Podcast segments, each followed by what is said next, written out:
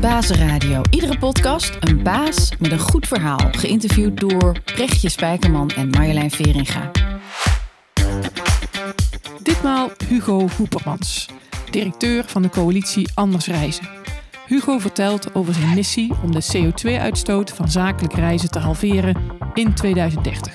In een coalitie met grote werkgevers wil hij met hen andere keuzes maken als het gaat om mobiliteit. Wat maakt hij mee in de onderhandeling met deze grote werkgevers in Nederland? En hoe zorg je bij medewerkers voor ander gedrag? Hoe maak je zo'n missie urgent? En top-down, bottom-up? Wat werkt bij grote veranderingen met gevolgen voor medewerkers? Kan je zomaar parkeerplekken opheffen bijvoorbeeld om je doel te behalen? En Hugo, wat we nog meer van jou willen weten? Ga je over landsgrenzen heen met jouw coalitie? En wanneer heb je je eindbestemming eigenlijk bereikt?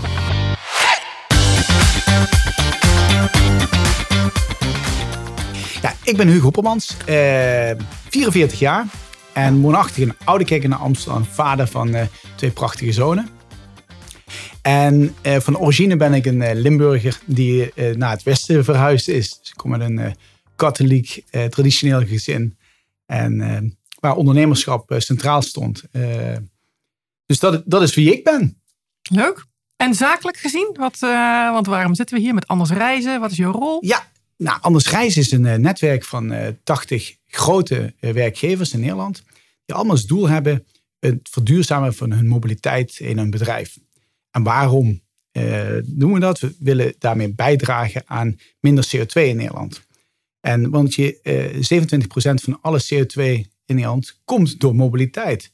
En als je dat afpelt, zie je dat alle verkeer over de weg, daar meer dan de helft de verantwoordelijkheid is van de werkgever.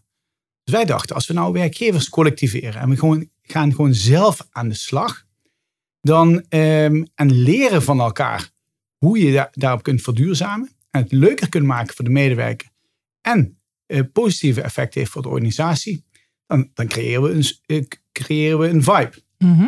Dus dat is het netwerk Anders Reizen. Een, een leernetwerk, een zwerm vogels noem ik het maar altijd. Een zwerm die eh, in verschillende thermieken, in verschillende samenstellingen eh, ehm, vliegt. En eh, soms is koploper een ander. Dus afhankelijk van de tijd is een reorganisatie, is een fusie of is een ander onderwerp wat opportun is. En dan zie je de, zie je de koplopers ook veranderen.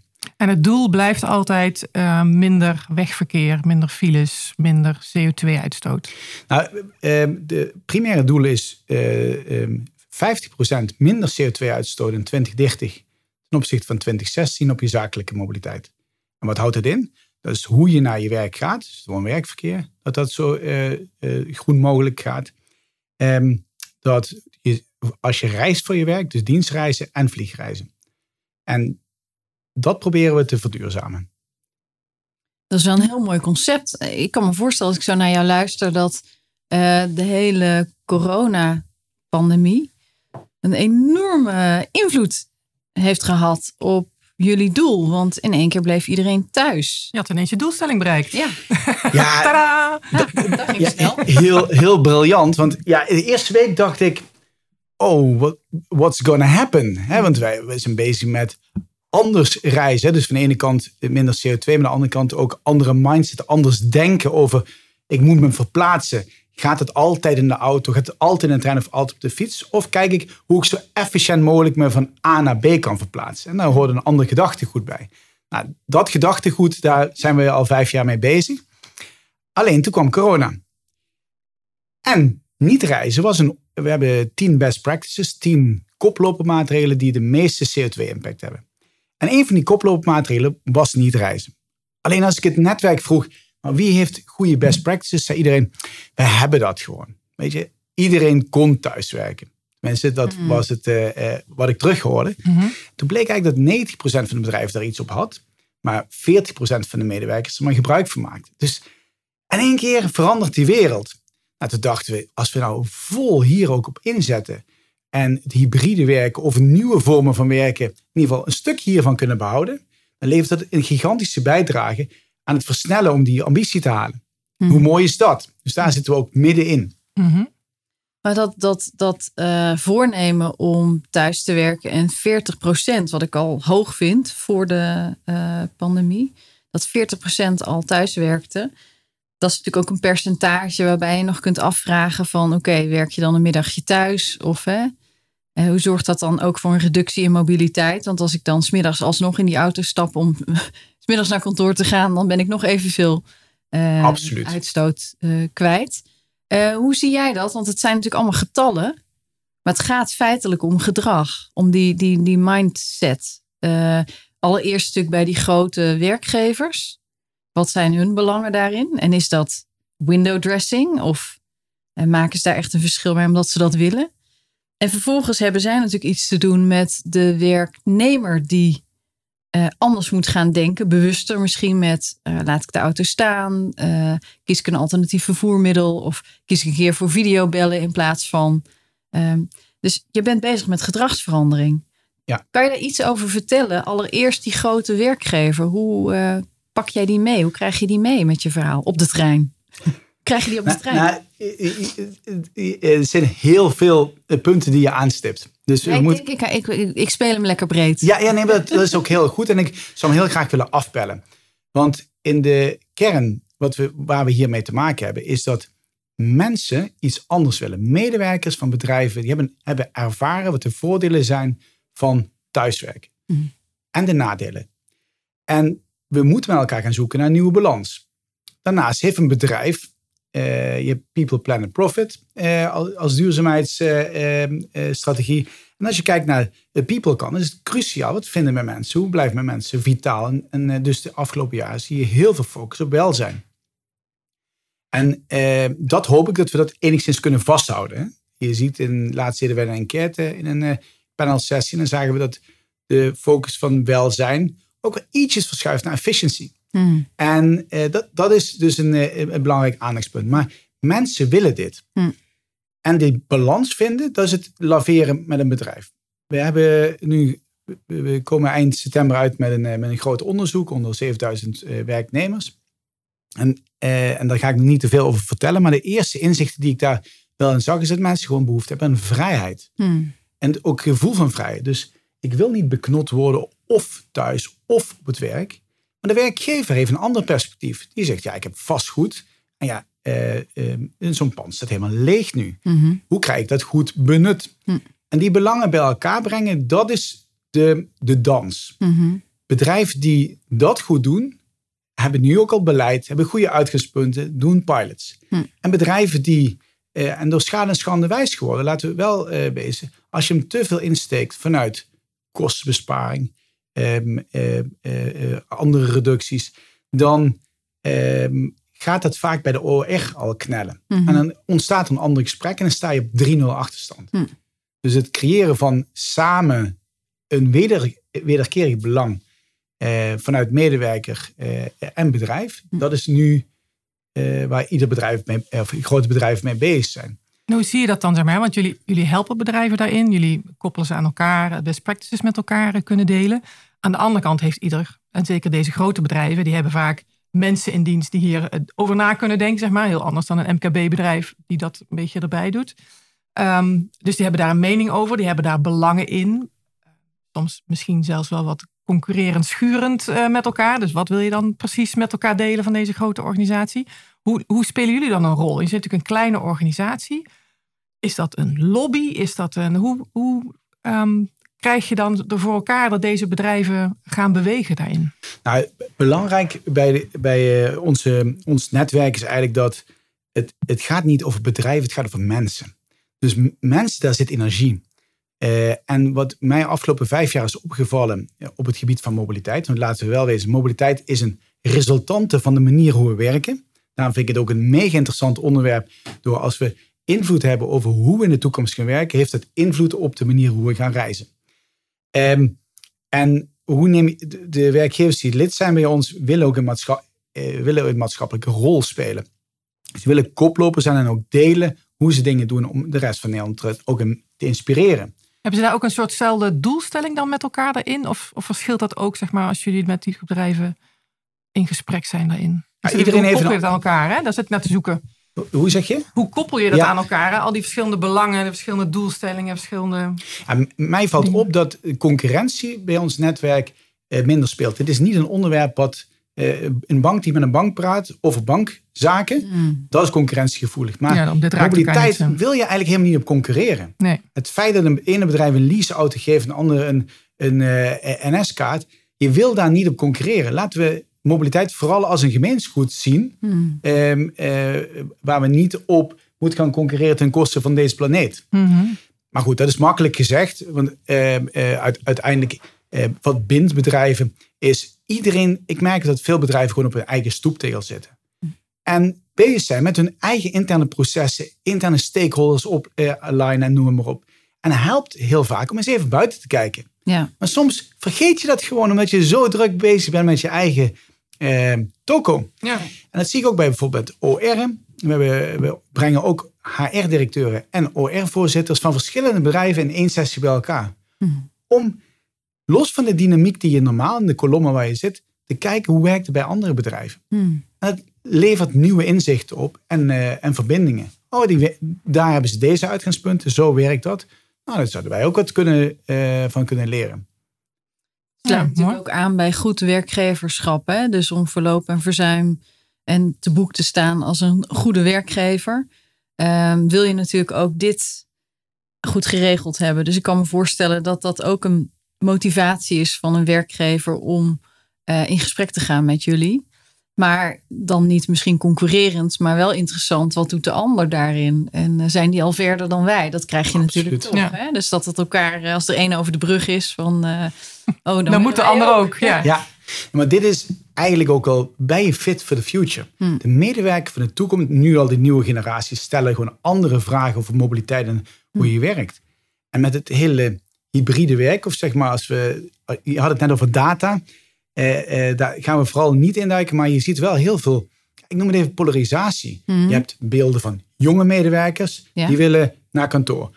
Oude medewerkers, die al langer bij een bedrijf werken, die willen graag thuis. Eh, een grote middengroep. eh, eh, eh, mensen ver weg wonen, niet ver weg. Hm. Het zijn allemaal niet groepen. En we moeten opletten dat we niet alleen maar in hokjes. Iedereen weer in hokjes plaatsen. Mm. Want het is, eh, het is veel meer als je een organisatie bent die fit for the future eh, wil zijn, moet een adaptief beleid hebben. Ook op reiskosten, of op hoe je je mensen verplaatst. Maar ook wie wil je zijn als werkgever.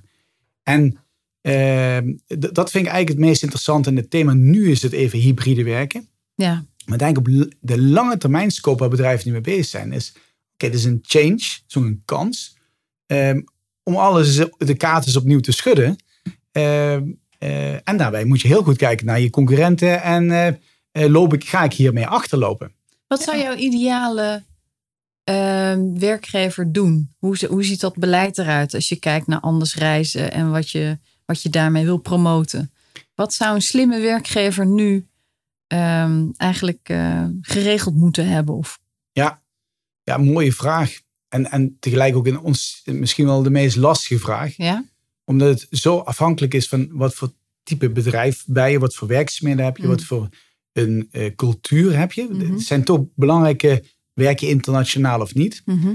Maar ik geloof wel dat je, ehm, eh, als je de medewerker van de toekomst aan je wilt blijven eh, verbinden, zul je op het gebied van mobiliteit veel meer maatwerk moeten gaan leveren. Mm. Dus de beweging bijvoorbeeld naar veel mobiliteitsbudgetten, waarbij het nadeel is dat mensen dan echt gaan rekenen en denken, oh, dan koop ik een vervuilend dieseltje en dan eh, zie ik het wel. Dus dit zit in één, het geven van budget of faciliteiten waarbij de medewerker zelf kan kiezen hoe die van op moment A of B zich kan verplaatsen.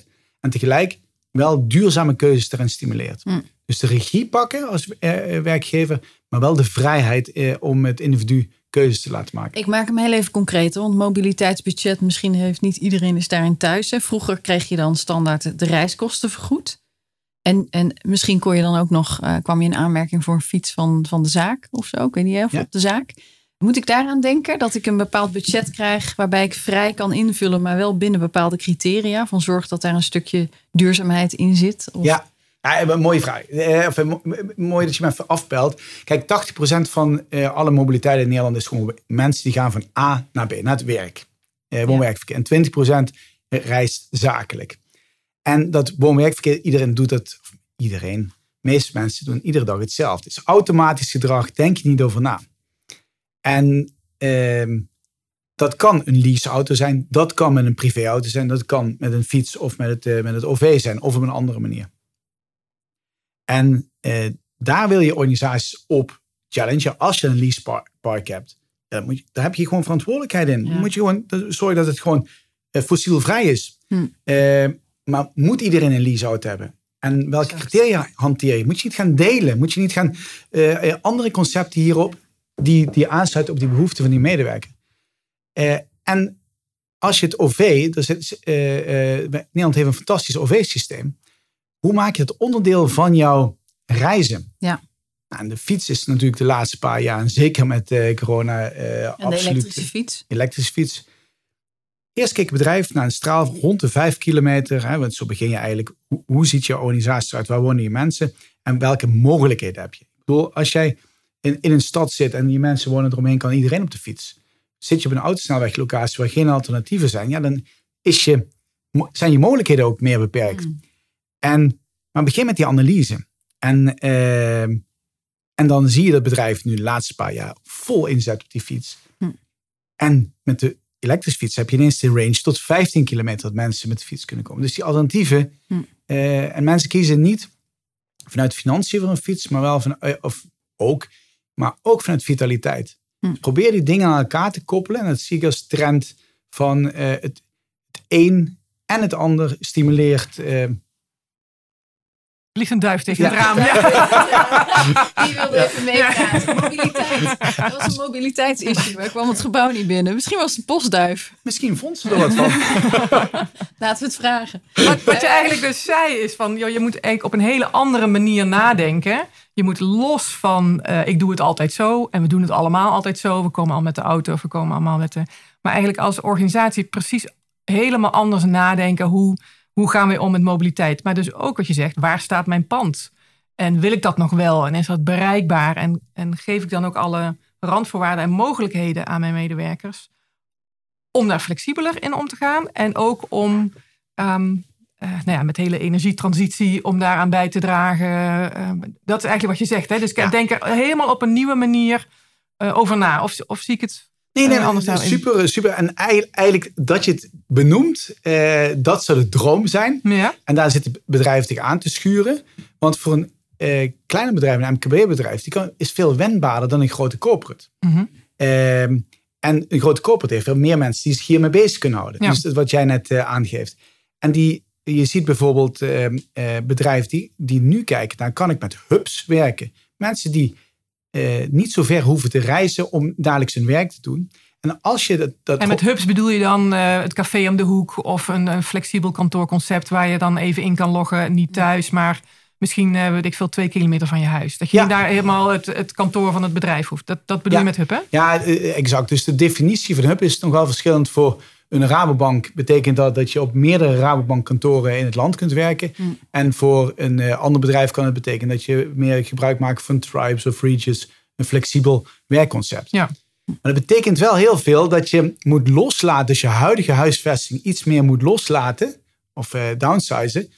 En dan zeggen van god, maar dan ga ik inzetten op die andere dingen. Ja. Dat is best spannend. Ja, ja zeker. Want, want zeker. bij een grote, grote organisatie gaat het om gigantisch veel geld. Hè? De, de, de, de panden die men in beheer heeft, het hele facilitair management, het vastgoedmanagement wat daaromheen zit. En het gedrag wat jij net zei, ook van heel veel mensen. Je zei niet van het is een gedragsverandering. Grote organisatie, heel veel mensen. Toch? Ja. je, om je even aan te vullen uh, daarin. Ja. En ik vond een hele ik mooie een vraag had, maar. ja, nee, ik vond het, jij zei het is nogal spannend, maar het is ook heel erg spannend natuurlijk, omdat uh, jij, jij zei net al van eigenlijk is het een hele gekke reden van een bedrijf van ik wil mensen op kantoor hebben, want ik heb dat pand nu eenmaal. Dat is eigenlijk Ja. het omdraaien van. Ja. Hè? Want eh, zo'n pand is niet transparant of hybride, dat staat daar. Hè? Ja. Dus dat zijn grote keuzes die je daarin maakt. Ja. En misschien zijn eh, werkgevers die daar nu pas mee beginnen om daarover na te denken, al wel gewoon heel erg laat. Ja. Hè, waarbij we ook nog een hele stroming hebben van woningtekort en die kantoren staan in één keer leeg. En heb je, want jij, jij praat met die grote eh, jongens en Ja. meiden. Jij ziet nieuwe appartementen komen, Ja, eh, ik- in de- nee, ik ben gewoon heel benieuwd of, of, of, daar, eh, of daar al ge- nagedacht wordt. Of, eh, Hè, we laten, ik hoor van een aantal grote organisaties dat ze gewoon heel veel eh, panden nu afstoten. Zie je dat ook al gebeuren? Dat er gewoon minder werkplekken. Hè, dus Ja, maar ja, dat zie ik. En eh, in de dans is het belangrijk wat de timing daarvan is. En eh, iets wat ook in de media is geweest. ABN AMRO heeft besloten om in Amsterdam zeg maar, op de Goes Malen eh, afstand te doen. Of eh, een, te gaan verhuizen naar de Foppegaard Reef. Dat is een mega Ja. impact. Maar het is meteen ook duidelijk hoe de toekomst op werken uit gaat zien in zo'n bedrijf. Dat heb je, de kaders zijn helder. Dan kun je daarna gaan invullen. Ik zie bedrijven die echt nu afstand doen van eh, af, ehm, etages afstoten eh, van hun hoofdkantoor. En je ziet bedrijven die zeggen: nee, ik ga eerst met elkaar ehm, de nieuwe manier van werken, de nieuwe manier van samenwerken. Hoe gaan wij dat vormgeven? En dat de resultante gaat zijn hoe we met ons vastgoed omgaan. Hm. En het past ook bij de ene bedrijf zal het één helpen en bij de ander eh, zal de andere eh, kant werken. Eh, maar dat hier grote belang bij zijn, eh, dat, dat is evident. Nee, ja, soms heb je ook gewoon langere huren die, die jarenlang nog een Ja, pand gehuurd hebben. Dus dan heb je heel praktische Of overwegingen. Ja, Ja, daarom. Dat heb je ook niet zomaar even afgestoten Ja, je zou daarin. alternatieven kunnen bedenken van wat je met die woonruimte of eh, eh, Kantoorruimte. Ja, je hebt dan bijna woonruimte gemaakt. Ja, ik vind het wel een goed dus idee ik- eigenlijk. Ik, ik dacht meer van andere bedrijven in het onderverhuren, maar dat zijn allemaal alternatieven. Maar wat ik heel spannend vind, waarom ik de, deze lijn aansnijd, is aan de ene kant zeg jij, hè, het gaat om autonomie van de medewerker. Eigenlijk zouden bedrijven daar meer op moeten inspelen. Op, maar de grote belangen van de werkgever zijn er ook. En hoe komen die bij elkaar? Want het is natuurlijk een beetje een. Als het je wordt opgelegd, ik noem maar wat, hè, van eh, je hebt geen parkeerplek meer. Dus ik stimuleer niet dat je met de auto komt, maar je krijgt wel een fiets van de zaak. Of. Eh, vroeger was het altijd. eh, de reiskosten eh, zijn eigenlijk hoger dan wat ik kwijt ben. Dus het, het, het- is voor mij een stimuleringsmaatregel om die auto te pakken, omdat ik daar eigenlijk meer geld mee verdien. ja. Hè, dus het maakt nogal wat uit welk beleid je uitzet. Want de, de stromen werknemers gaan zich daarna volgen. Die halen daar. Het stimuleert of het stimuleert niet. Of zie Dus- jij juist het gesprek ontstaan? Is het juist het beleid van boven of zie je juist het gesprek ontstaan binnen organisaties? Nou, eh, het zijn twee dingen. Als het over mobiliteit gaat, dan, dan weet ik wel hoe eh, eh, dingen ondertussen beproefd zijn. Op hybride werken weten we het nog niet. Daar zit een heel groot verschil. Dus het antwoord is, het gesprek is nu bij heel veel organisaties leidend. Hè? Maar even terug naar mobiliteit. En wat we, daarom zijn wij ook die coalitie gestart. Als je één CEO hebt die tekent voor een 50% reductie. En die kan zijn organisatie daarin meenemen dan heb je in één keer 10.000 mensen waar je invloed op hebt. Ehm, en op die manier hebben wij een netwerk gebouwd die nu meer dan een half miljoen medewerkers in Nederland beslaat. Ja. En ehm, dat gaat over hoe kan ik top-down beleid aanpassen waarbij je eh, op het moment als jij geen, eh, geen parkeerplek meer hebt, ja, dan ga je toch nadenken. Dan ga je nadenken hoe ga ik anders. Ja. Eh, en dan heb je nog legio keuzes, maar het helpt wel in je, in je doorbreken van het gewoontegedrag. Ja. Dus het, de reiskostenvergoeding is eh, traditioneel 19 cent voor de organisaties die dat geven. Maar waarom varieer je daar niet in? Dat, eh, dat je voor de auto 11 cent geeft en voor de fiets 19. Hmm. Daarmee geef je een signaal af. Ja. Medewerker kan nog altijd zijn eigen keuze maken. En het geldt ook met het OV. Is onbekend, maar onbemind. Dus faciliteer het. Geef iedereen zo'n mobiliteitskaart. Dat in de, de gevallen dat- je het OV een oplossing voor is, dat je ermee reist. Hm. En daar zit ook een grote financiële component. Er zit een grote HR-component aan. zeker positief beïnvloeden van mensen wat je eigenlijk daarin bedoelt. En wat een ander wat we volgens mij daarin raken, want als ehm, ik op kantoor zit, jij thuis en Brechtje in een hub, om het zo maar even te zeggen, hè, en we moeten met elkaar toch nog samenwerken, je raakt ook heel erg de manier van werken als team daarin. Dus hoe ga je met elkaar daar afspraken over maken, Ja. terwijl we allemaal op een andere plek zitten. Je zet net ook al zo mooi van, joh, verschillende medewerkers hebben eigenlijk verschillende behoeftes. Ehm, nou, ik heb een tijd op in de Rouwbank geleid. Daar hebben een, pilot gedaan met, eh, met duizend mensen. Daar zagen we en heel veel verschillen en ook heel veel verschillen niet. Ehm, eh, mensen willen allemaal flexibiliteit, wat je net ook aangaf. Eh, jonge mensen willen meer leren. Dat kan thuis en dat kan op kantoor. Daar zitten zij soms ook nog wel verschillend in. Oudere mensen hebben dat misschien, misschien eerder thuis, maar vinden het ook weer heel leuk om de jongeren te helpen. Dus er zitten allemaal belangen in zo'n team. Heb je daar ervaringen mee hoe een organisatie dat zou kunnen oppakken? Zeg maar? Want wij werken daar veel mee, maar ik ben ook heel benieuwd naar jouw eh, visie daarop. Ja, Ja, eh, terwijl je het stelt, heb ik duizend vragen aan jou. Want jullie, ook nog, jullie zijn daar de, de, de expert in, in, eh, in hoe je dat dan doet. Ik zie in ieder geval de worsteling van veel bedrijven. Ik zie de, worst, de dominante worsteling is, ja, hoe gaan we dat dan doen? De dominante worsteling is, hoe maak je die nieuwe manier van samenwerking praktisch? Dus je kunt het hebben over uitgangspunten eh, en eh, zo ga je het doen. Maar in dat team moet het gebeuren. Ja, zeker. En eh, een be- bedrijf bijvoorbeeld dat mij ontzettend aanspreekt, is DSM. Mhm. DSM zegt, iedere medewerker vult een enquête in, ook in zijn weerstanden. Dus Van tot hoe ver, waar zit jouw weerstand en wat vind je heel prettig? Dus wat, wat zou je niet meer willen of zo? Dat bedoel je daarin? die- ja? ja. Wat gaat er ver? En dan bespreek je dat in je team. En dan dus die, die uitslag van die enquête. En daarna bespreek je het met je leidinggevende.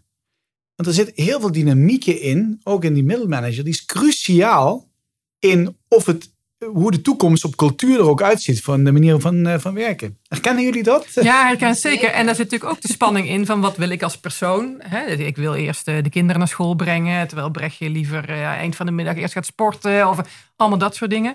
En aan de andere kant zijn we dan ook nog een team die met elkaar resultaten moet halen. Hè? Dus het is een beetje mijn vrijheid eindigt waar die voor jou begint. Als voorbeeld.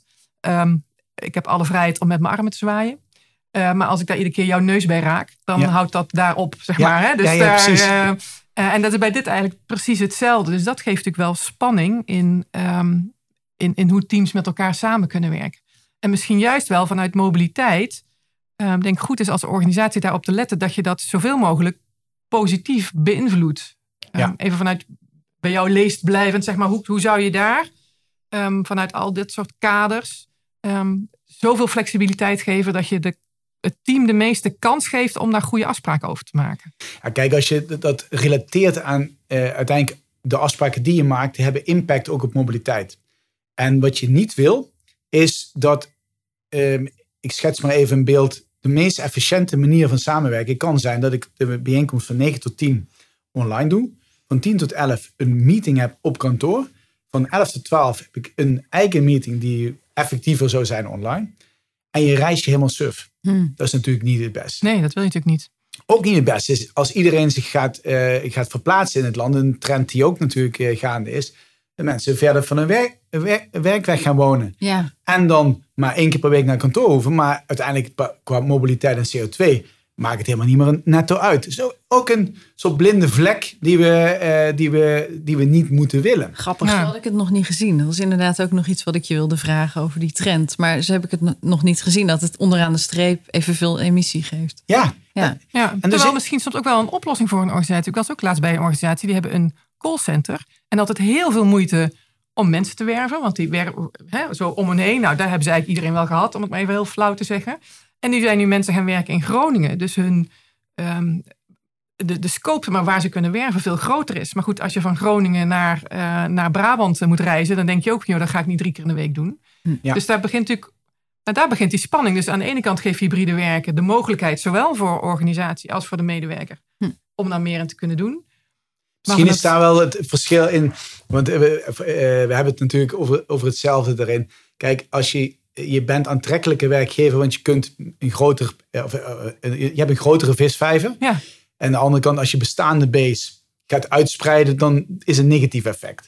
Ja, dat is natuurlijk dus- dus, lastig. ja. vol- Volgens mij is dat. eh, Maar aan de andere kant, als je dan in Zeeland woont, heb je wel meer mogelijkheid om bij die organisatie die allemaal aan de randstad zitten, Ja. een baan te vinden wat misschien in de klassieke manier Ja. moeilijker is. Ja. als het over eh, medewerkerstevredenheid en vitaliteit daarin gaat. het beter bij elkaar misschien. Ja, Maar toch geloof ik er wel in dat, en dat is het eh, eh, onderbelichte in dit. eh, eh, het is een onderstroom. Cultuur gaat. cult- het culturele stuk. Het gaat, ik vind dat de discussie erg instrumenteel gaat. Weet je, wel of niet, hoe doen die teams dat? Maar wat maakt nou het verschil of ik voor bedrijf A of B werk? Hmm. Dat zit hem in de mensen, de ontmoetingen. ja Dat zit hem in de, de- je loopt dat pand binnen, je krijgt dat clubhouse van de toekomst. Je hebt er een gevoel bij. Mhm. Als je het hele stuk wegneemt, of daar niet iets aan doet, Hm. dan hebben we wel een eh, risico dat je, dat je je verbondenheid met je medewerkers en organisatie verliest. Ja. Dus, het, dus als je dan in Zeeland woont en je eh, gaat voor een bedrijf in Amsterdam werken, dan is het een hele grote uitdaging voor de organisatie om jou te binden, boeien en bloeien. Hm. Daar zit wel ehm, dan de uitdaging. Ja, zeker. Maar ben je er dan voor dat iedere medewerker daar ownership in neemt? En wil je iedere medewerker daarin ook meekrijgen? Dat ik als professional nadenk over een bewuste keuze? Want nu ben ik meer het hybride werken. Daagt mij uit van oké, eh, oké, dus nu mag ik eh, de kaders zelf bepalen. Eh, ik moet nog met mijn team afstemmen. Soms is het misschien wat effectiever dat we elkaar via een call zien. Dan rei- reis ik naar kantoor, want dat is beter als we bijvoorbeeld gaan brainstormen. Maar ik ben niet echt bezig met hoe kan ik, hè, misschien voor mezelf, kan ik de file mijden. Ja. Met ehm, de bewuste burger die ook zich realiseert van ik, ik, ik druk mijn stempel op het verkeer. Ik druk mijn stempel ook op of we goed met elkaar omgaan met de uitstoot eh, op een landelijk. Zit het, zit het ook op individueel niveau of probeer jij met name die werkgever? Ik probeer, eh, kijk, uiteindelijk, ik vind het wel een mooie, mooie dynamiek hoe hoe je hem beschrijft. Want in een team heb je een verantwoordelijkheid om het werk gewoon wat er ligt, of het werk wat je met elkaar wil doen, zo goed mogelijk te organiseren. En de organisatie heeft de belang, of de, moet het zo goed mogelijk faciliteren. En eh, eh, de ene bedrijf nu zegt, eh, ik laat het helemaal in teams, ik heb zelfstandig professionals, dus dat komt goed. En een ander bedrijf zegt, ja, eh, mensen, het is toch allemaal gedragsbeïnvloeding. Dus laten we toch een paar afspraken, kaders met elkaar maken. Mm. En tegelijk wil je niet dat die kaders te leidend gaan zijn. Mm. Want er worden ineens weer regels. En, Ja. en, maar het feit dat we eh, beperkt capaciteit op kantoor hebben, dat betekent dat je moet gaan spreiden. Mm. En ik zie wel, ten opzichte van twee jaar geleden, dat spreiding in het algemeen gewoon in deze maatschappij een steeds belangrijker onderwerp gaat zijn. Wat bedoel je Mhm. daarmee? Nou, in, in het verleden was het eigenlijk spreiding, ging met name als ik het woord spreiden heb, gaat het over spreiding op de weg en op, eh, in, in het openbaar vervoer. Dan heb je piekbelasting. Dus niet allemaal om negen uur in diezelfde trein stappen. Exact. Dat bedoel jij, ja. Maar nu, met de anderhalve meter eh, regel, hebben bedrijven ook problemen. Eh, want als er eh, duizend man een pand in moeten, die allemaal in zes liften moeten, Precies. ja, dan ben je even bezig. Ja. Ehm, dus daar heeft een bedrijf nu ook belang bij spreiding. Maar de woensdag en vrijdag zijn lege dagen. Ehm, daar wil je eigenlijk ook spreiding op hebben. Echter, eh, waarom doen mensen de dingen die ze doen? Dat heeft weer te maken, en dan kom ik op ander niveau, het is een systemisch niveau. Ja, waarom hebben we in Nederland niet gewoon allemaal een vijfdagen model voor de lagere scholen? Ja, zeker. Ehm, en dus welke rol pakt hier ook, pakken we nu met elkaar eh, en de overheid om dingen, de condities ook anders in te richten? Ja. Ja. Maar spreiding gaat, eh, ja, dat over energietransitie, dat gaat ook over netbelasting. ja, absoluut. Eh, dat gaat ook straks als we elektrische auto's allemaal, eh, allemaal hebben. Wanneer laat je en wanneer niet? Hè? Ja. Blazen we het net op of het zit er ook een spreiding in? Ja. En ik vind, ik zie dat eh, bedrijven daar steeds meer ownership in pakken van, eh, van wat voor maatschappelijk perspectief of vanuit eh kostenperspectief om daar een rol in te pakken. Wat denk je dat wat het proces negatief kan beïnvloeden? Wat zijn de bedreigingen van jouw missie?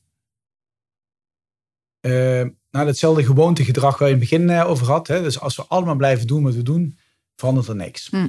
Ehm, ik eh, zie. ehm, eh, nou, ik, ik zie eigenlijk heel weinig bedreigingen. Want Ja. met een ISPC-rapport wat we hebben, is de urgentie in ieder geval ligt op tafel. De bedrijf, bedreiging is misschien wel dat we het, dat we tempo niet snel genoeg Ja. eh, Mhm. oppakken. Want wat is daar de bedreiging van? Waarom zou dat slecht zijn? Nou, vol- volgens mij, eh, wat er slecht aan is, is je schuift de lasten naar toekomstige generaties door. Mhm. Dus eh, nu, nu bijvoorbeeld eh, komt er eh, in, de klima in het klimaatakkoord is afgesproken dat er normering komt op eh, personenvervoer op de weg. Dat betekent dat alle werkgevers met meer dan 100 medewerkers eh, verplicht zijn om eh, te inventariseren hoe hun medewerkers reizen. En daar komt een norm op. Alleen de discussie over is die norm, gaan we die volgend jaar al doen? Of vanaf 2026 of later? Daar zijn verschillende krachten die daar eh, invloed op eh, uitoefenen. Eh, en we willen met elkaar in dit domein best veel CO2 besparen, namelijk 1 megaton. En dat is gigantisch. Ja, nogal. Ja. Ehm, Dus, Dus er moet wel iets. er Ja. moet iets. Ja. En eh, dus, dus het feit van het komt wel goed, daar, ma daar maak ik Ja. me zorgen over. Ja. Ja.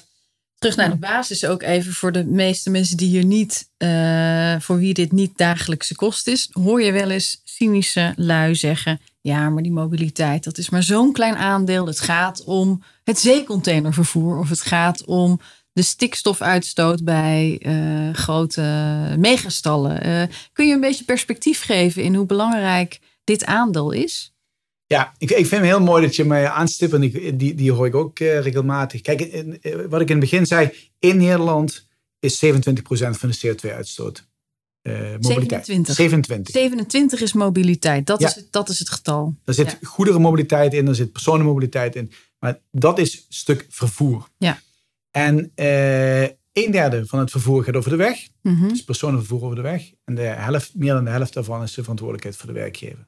Maar het belangrijkste wat ik vind. Wacht even, dat Ja. laatste stukje. Ja. En, en, en een derde is over de weg. Dus dan bedoel je vrachtauto's, transport. Of En ook alle. derde is voor de werkwerkgever. Die, die snapte ik niet helemaal. Oké, eh, dan ging ik te snel. Dus die 27% is, is mobiliteit. Een derde daarvan, eh, 33%, is personenmobiliteit eh, over de weg. Ja, En als je dat stuk dan pakt Ja. en je ziet waar, waar zit dan de invloed, zie je dat meer dan de helft daarvan, van die 33%, is de verantwoordelijkheid van werkgevers. En de rest is... gewoon werkverkeer bedoel je. Ja. Ja, dus ik... En de rest is eh, wij naar de, naar de Efteling. en Ja, dat de dingen. sociaal-recreatief Ja. eh, eh, vervoer. En wat ik mooi vind voor organisaties zoals Shell, Mhm. zoals Tenet, zoals Inexus. Die zijn allemaal lid van, eh, eh, van eh, de coalitie. En voor hun, Shell, eh, als ze per NIS één dag stilzetten, is evenveel als eh, wat een heel jaar eh, de personenmobiliteit in Nederland uitstoot. Mhm. Maar de reden voor deze bedrijven om deel te nemen is omdat eh, daar heb je geen invloed op. Per Hm. NIS een dag stilzetten. Hm. Of voor Tenet eh, om de, de netverliezen anders op te, te vangen. Nee, de invloed zit bij iedere medewerker. Zit wat je eet, hoe je reist, hoe je leeft. Hm.